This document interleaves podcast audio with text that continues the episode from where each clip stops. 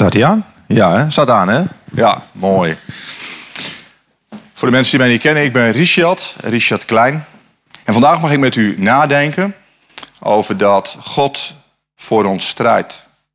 Het is niet uw gevecht, het is niet jouw gevecht, maar het is het gevecht van God. En ik heb mijn preek mogen laten inspireren ook door See a Victory van Elevation Worship. Kent u die? Ja, ja, mooi. The battle belongs to the Lord. En u mag opzoeken twee kronieken. Twee kronieken, hoofdstuk 17. Dat is de basis van mijn spreekbeurt overdenking van vandaag. Het is een situatie dat de koning Asa, een vrome koning, de vader van Jozefat, uh, ja, die gaat dus voor Jozefat. En dan lezen wij de regering en macht van Jozefat in 2 Kronieken, hoofdstuk 17. Met als thema, zie een victory, zie de overwinning.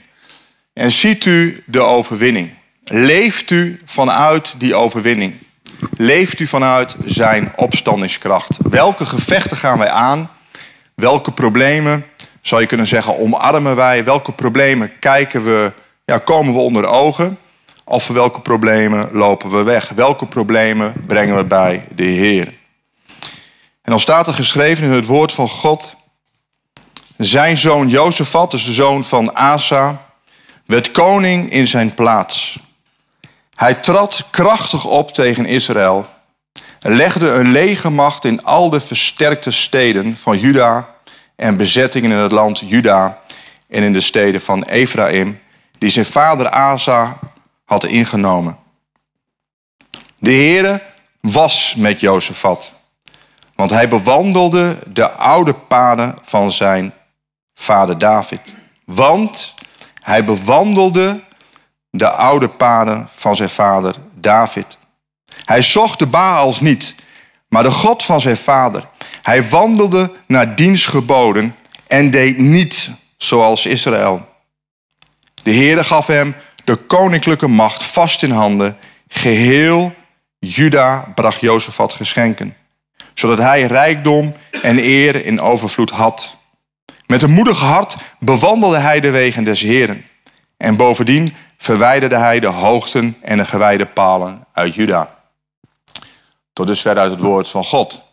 Ik las voor uit de NBG 51. Ik lees uit alle vertalingen. Ik lees graag uit het, boek, herziene statenvertaling. Maar ik vond het zo gaaf in deze vertaling. Ik weet niet wat in uw vertaling staat. Maar dat hij wandelde. Even kijken hoor. Dat hij de oude paden van zijn vader bewandelde. De oude paden. Vond ik zo mooi. Dus ik denk, ik pak vandaag de NBG 51. Wanneer we kijken naar koning Jozefat, dan zien we dat koning Jozefat gezegend wordt door God. Waarom wordt koning Jozefat gezegend? Hij doet dat wat God van hem vraagt. Hij aanbidt de Baals niet meer en hij aanbidt de God van Abraham, Isaac en Jacob. En hij heeft een vrezen voor de Heer. En ik voel me echt gezegend dat ik ja, een groot deel van het land, maar vooral ook in het noorden van het land, noordoosten van het land, mag spreken. En ik vraag elke keer, wie heeft vandaag nog een vrezen voor de Heer? En wanneer je, ik hoorde net ook een gebed, wanneer je kijkt naar de kerk, religieus, vrees voor de Heer. We zijn, we zijn bang voor God, maar ik geloof niet dat het ermee bedoeld wordt. Dat je bang hoeft te zijn voor God. God is een liefhebbende vader, maar een vrezen voor de Heer is voor mij dat je een diep ontzag hebt. Een diep ontzag en eerbied voor Hij die de hemel en aarde heeft gemaakt. Dat je de dag begint met God. Dat je de dag eindigt met God. En dat wij, die de Heer Jezus kennen, wat wij doen, doen we dat overeenkomstig zijn wil. En wanneer dan de Heilige Geest op ons hart klopt, zo van, ja, dit is niet echt helemaal goed wat ik doe, luisteren we dan naar zijn stem. En als we dan kijken naar koning Jozefat, koning Jozefat doet de Baals weg in zijn leven. De Baals, hij Zoals zijn vader Asa daarvoor verbrandde uh, afgodsbeelden in het Kidrondal. En doen wij ook de Baals weg uit ons leven? Doen wij de afgodsbeelden weg uit ons leven? En gewoon anno 2022 wat is dan een baal? Wat is dan een afgod? En voor mij is dat heel eenvoudig. Alles wat je boven God plaatst, is zeg maar niet goed. Mijn zoon, volgens mij kent hij nog steeds veel te veel. Er is op zich misschien niks mis mee om te gamen. Maar wanneer je vier, vijf uur per dag gamet en maar een paar minuten in de, in de week de Bijbel leest, dan is dat gewoon niet goed. Wanneer je Instagram hebt, en schrik niet, meer dan 70% van de jongeren tussen de 16 en 30 jaar, die heeft een bepaalde verslaving. Die kijkt naar de verkeerde dingen op Instagram of op, op Google, ook onder christenen. De helft van de voorgangers in de wereld heeft een pornoverslaving. En dat is best wel heftig. Dat is heel heftig. En er is op zich niks mis mee wanneer we Instagram gebruiken voor het goede. Maar waar gaat ons oog naar? En waarom, waarom zouden we sowieso, hè, waarom zouden we sowieso dat doen? Wanneer je God daar verdriet mee doet. En ik geloof wanneer je doet overeenkomstig het woord van God. En we gaan in de schoenen staan van Jozefat. En we lezen dit twee, drie keer. Dan wil God ons zeggen. Het is God die voor ons strijdt. En Jozefat, je zou kunnen zeggen, die gebruikt Instagram op een goede manier. Die kijkt niet naar de verkeerde foto's. Die zoekt niet op de verkeerde manieren op Google, op verkeerde films. Die doet overeenkomstig dat wat God van hem vraagt. En dan zegent God hem. God zegent Jozefat zo. Je leest in het woord van God dat hij heeft heel veel soldaten. Heel veel ja, krachtige mannen. 200.000 hier, 100.000 daar en 200.000 daar. We leven in een gebroken wereld. Dat wil niet zeggen, wanneer je vervuld bent van de Heilige Geest, je behoort God toe, dat je geen problemen mee kan maken. Dat zien we ook in 2 Kronieken, hoofdstuk 20, vanaf vers 15, zo rond. Dan lezen we dat er komt een probleem aan. En noem dat gewoon een probleem. Het is een probleem in Jozefats leven, ondanks dat hij krachtig is, ondanks dat hij voelt dat God voor hem strijdt, dat God met hem is, ziet hij daar een probleem aankomen. Een immens groot leger. En hoe groot moet dat leger wel niet zijn geweest? Let op, Jozefat weet dat God met hem is. En hij heeft zelf een leger van meer dan een half miljoen weerbare mannen. Hoe groot leger, hoe groot probleem moet Jozefat zien aankomen? En Jozefat wordt bang. En Jozefat bidt dan voor zijn probleem. Zoals we dat net hebben gedaan, ook met elkaar dicht bij elkaar hebben gebeden, lezen we in het woord van God dat ze dicht bij elkaar gestaan om te bidden. En dan wordt daar een jonge leviet, een jonge jongen, de zoon van Sekeraja, wordt gegrepen door de Heilige Geest. Gewoon een jonge jongen van een jaar of 16, 17 misschien. Die wordt gegrepen door de Heilige Geest en zegt dan tegen koning Jozefat, vrees niet, wees niet bang, want het is niet jouw gevecht, het is niet jouw strijd, het is niet jouw gevecht, het is niet uw gevecht, maar het is het gevecht van God.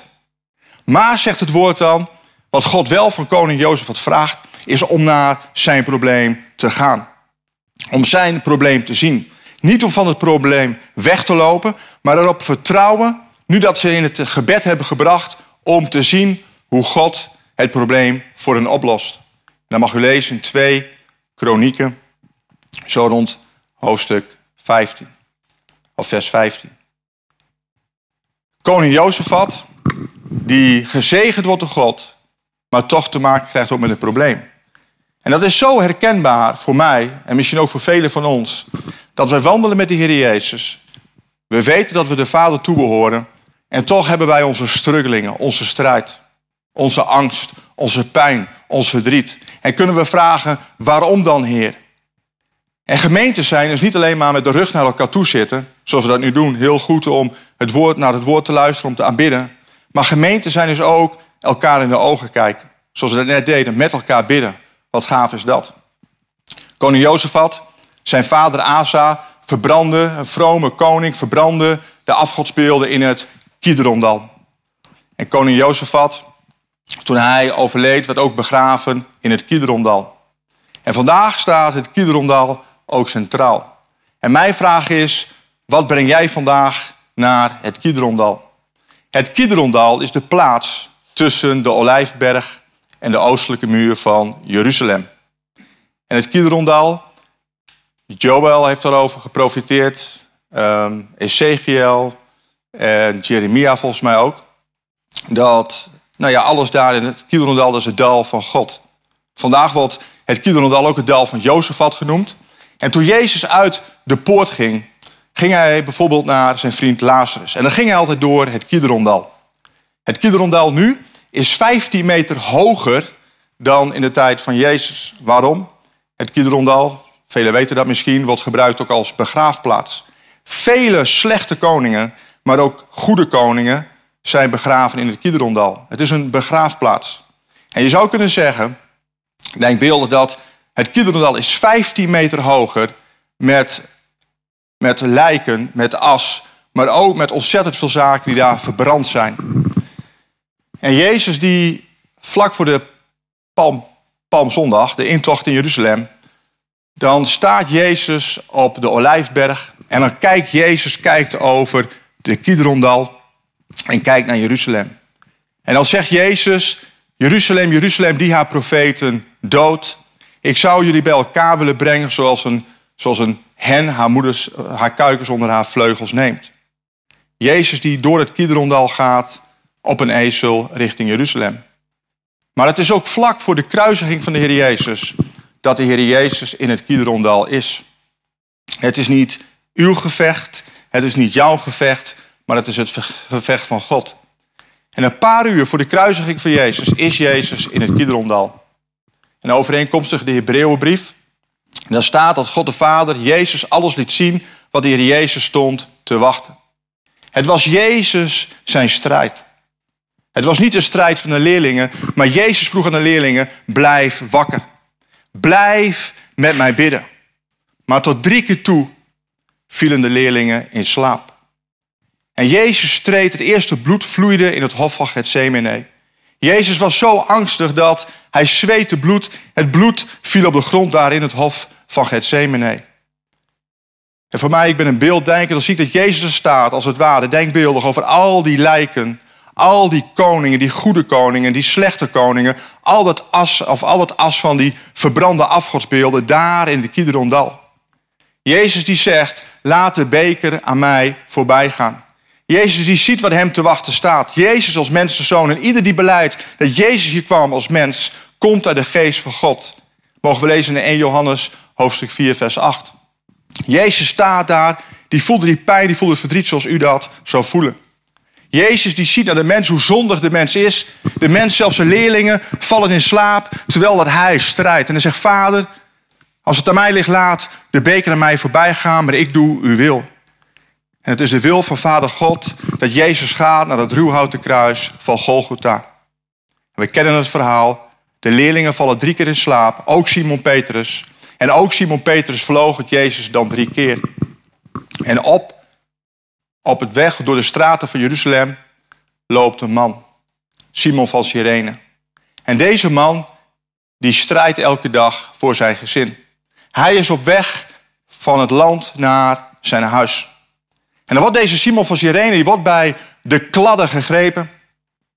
En die wordt dan, moet dan de, de kruisdrager worden van Jezus. We kennen dat verhaal toch, van Simon van Sirene? In de meeste vertalingen staat in uw vertaling, in bijna alle Nederlandse vertalingen, dat hij werd bij de kladden gegrepen. Maar in het Aramees staat dan dat Jezus geeft goedkeuring, Jezus knikt. En op dat moment dat Jezus knikt, dan draagt Simon van Sirene het kruis. Hij volgt Jezus en hij verloochent zichzelf. En voor mij is dat ook een openbaring dat God in controle is. Want eerst niet dat jaren daarvoor de Heere Jezus zegt: Als je mij wilt toebehoren, volg mij dan. Draag Neem je, draag dagelijks je kruis en verloochen jezelf. Hiermee laat God ook zien dat dat wat gesproken wordt daarvoor door de Heer Jezus, dat Jezus ook het beeld waarschijnlijk zag van Simon van Sirene, God is in controle. En het is als God vandaag tegen u zegt, het is niet uw strijd, het is niet uw gevecht, maar het is het gevecht van de Heer Jezus. De Heer Jezus zegt, kom onder mijn juk, mijn juk is licht.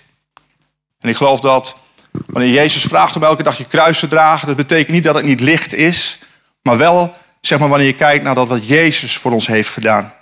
En dan staat er dan in het woord van God dat Simon van Sirene, die van het land gaat naar zijn huis, hij is de vader van Rufus en hij is de vader van Alexander.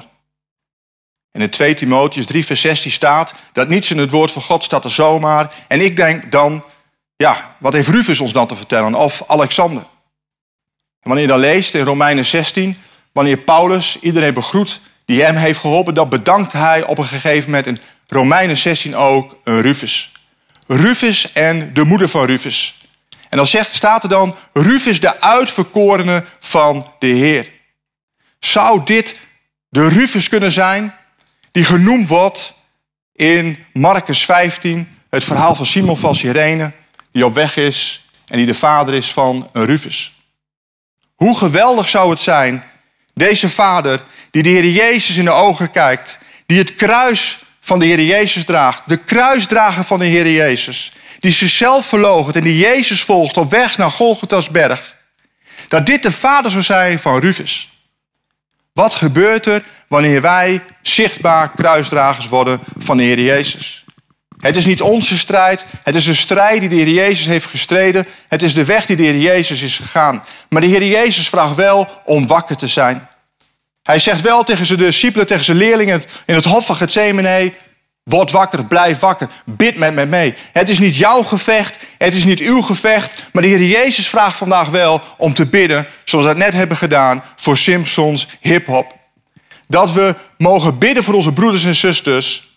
Het is niet onze strijd, het is een geestelijke strijd, maar zijn wij wakker. Voor een belangrijke gebeurtenis, voor het sterven van onze Heer en Heiland, een belangrijke gebeurtenis, sliepen zelfs zijn leerlingen. Zijn wij wakker? Ik geloof dat wij in een belangrijke tijd leven. Belangrijk voor de terugkomst van de Heer Jezus. En ik geloof in de opname dat we in een belangrijke tijd leven, maar zijn we wakker. God vraagt niet om te strijden, maar wel om elke dag ons kruis te dragen, onszelf te vlogen en Jezus te volgen. Er zit ook een ontzettende bemoediging in in Alexander. Want zover als ik heb gelezen, en anders moet ik me even mijn jasje trekken, trekken kom ik Alexander niet meer tegen. Het betekent dus niet, wanneer wij kruisdragers worden van de Heer Jezus, dat automatisch ieder kind of ieder kleinkind of iedere vriend of vriendin ook automatisch de uitverkorene van de Heer wordt. Sommige ouders, ik ben ook een ouder, wij zijn ook ouders van vier. Ik voel best wel de druk dat ik hoop, Heer, dat we alle vier kinderen ja, in het geloof mogen opvoeden. Maar het is de Heilige Geest die uiteindelijk over mensen komt. God weet het, God raakt hart aan. En uiteindelijk ja, mogen wij alleen maar, het is niet ons gevecht, ook niet als ouders, maar wij mogen gaan en staan waar God ons wil hebben. Simon van Sirene, die draagt het kruis van de Heer Jezus. En de Heer Jezus komt dan aan op Golgotha's berg. Ik heb het opgezocht naar aanleiding van het lied wat we zongen. Dat was niet de bedoeling. Dan zegt de Heer Jezus aan het kruis: Eloi, Eloi, lama sabachthani in het Aramees. Mijn God, mijn God, waarom hebt gij mij verlaten? Mijn God, mijn God, waarom hebt gij mij verlaten? Psalm 22. Verre zijnde van mijn verlossing. Bij de woorden van mijn jammerklacht. Mijn God, ik roep des daags en gij antwoordt niet. En des nachts en ik kom niet tot stilte. Nochtans zijt gij de heilige die troont op de lofzangen, lofzangen Israëls. Op u hebben onze voorvaderen vertrouwd. Ze hebben vertrouwd en gij deed hen ontkomen. En u hebt zij geroepen en zij werden gered. En u hebt zij vertrouwd en niet beschaamd. Maar ik ben een worm en geen mens. Een smaad voor de mensen en veracht door het volk. Allen die mij zien bespotten mij. Ze steken de lip uit, ze schudden het hoofd. Wentel het op de Heere, laat die hem verlossen, hem redden. Hij heeft immers welgevallen aan hem. Gij toch hebt mij uit de moederschoot getogen. Gij deed mij vertrouwen, rusten dan mijn bos van de moeder. Hier zien we enkele momenten dat Jezus hangt aan het ruwoude kruis van Golgotha. En er zouden zomaar de gedachten van de Heer Jezus kunnen zijn. Jezus, het staat ook in de Bijbel, de stieren van Balzan, de hoge priesters, iedereen die hem verraden heeft. De Heer Jezus steken een lip uit. U kent misschien wel de beelden, of u kunt zich de beelden misschien indenken. En daar hangt Jezus aan het ruwoude kruis.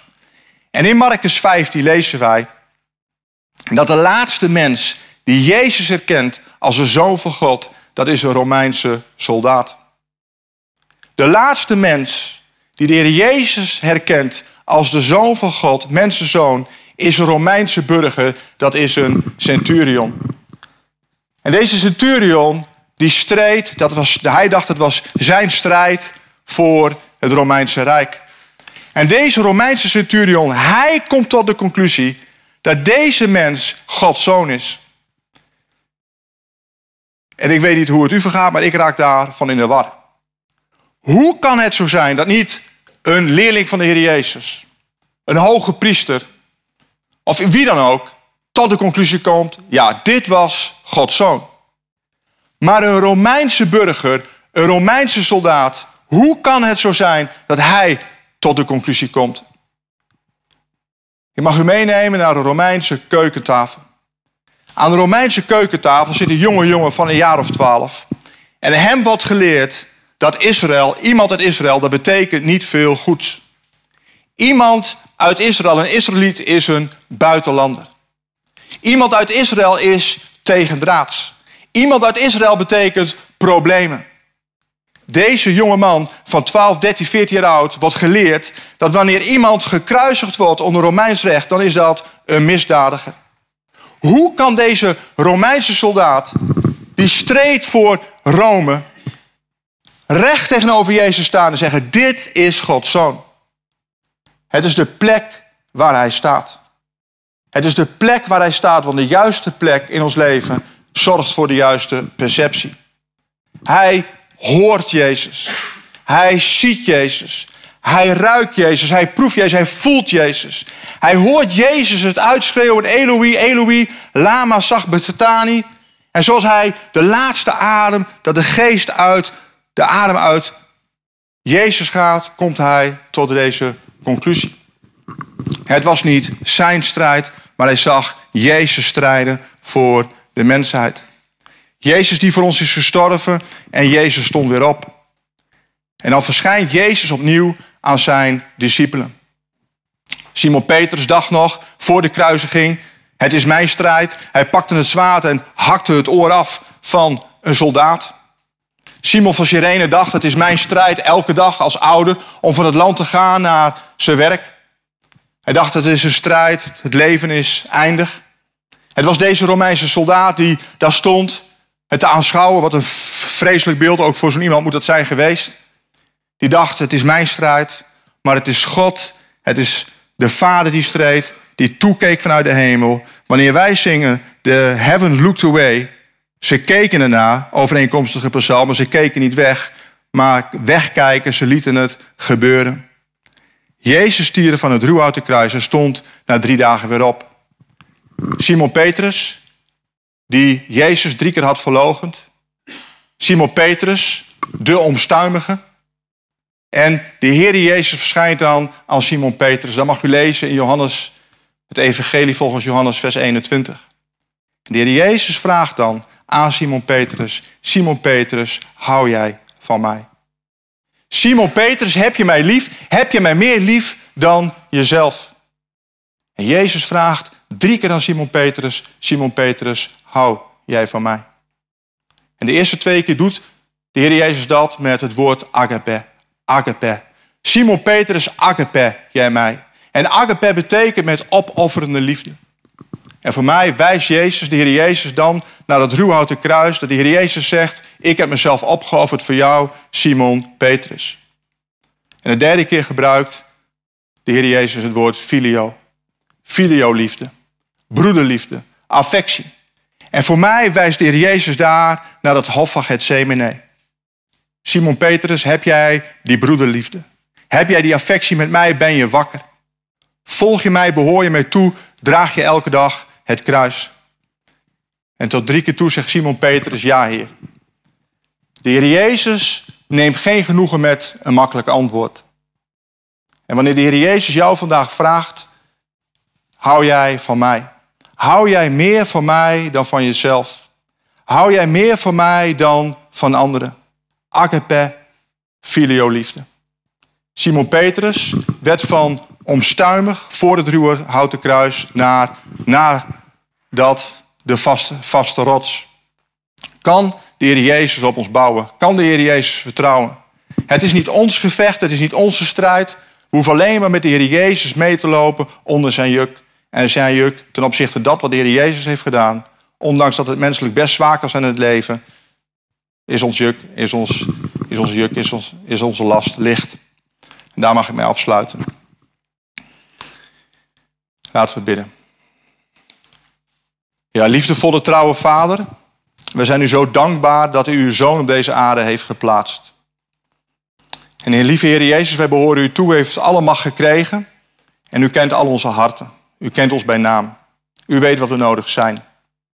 En ik wil zo vragen, Heer Jezus, dat, dat door de Heilige Geest dat, dat we uit mogen stappen. Dat we onszelf mogen verloochenen. Dat we weten dat het niet onze strijd is. En dat we al onze zorgen bij u mogen brengen, zoals Jozef dat deed.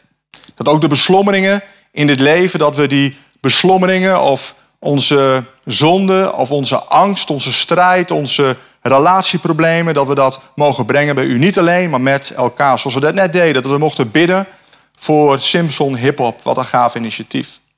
Dat wanneer wij vol vertrouwen bidden, in Jezus' naam, dan weten wij, Vader in de hemel, dat u met uw geest er doorheen werkt, harten raakt en dat u uiteindelijk de strijd beslecht. Ook wanneer iemand moeilijk in de problemen zit, een pianist, dat u door pianist, pianisten heen spreekt, met een enkel woord kom jij uit Koevoorde.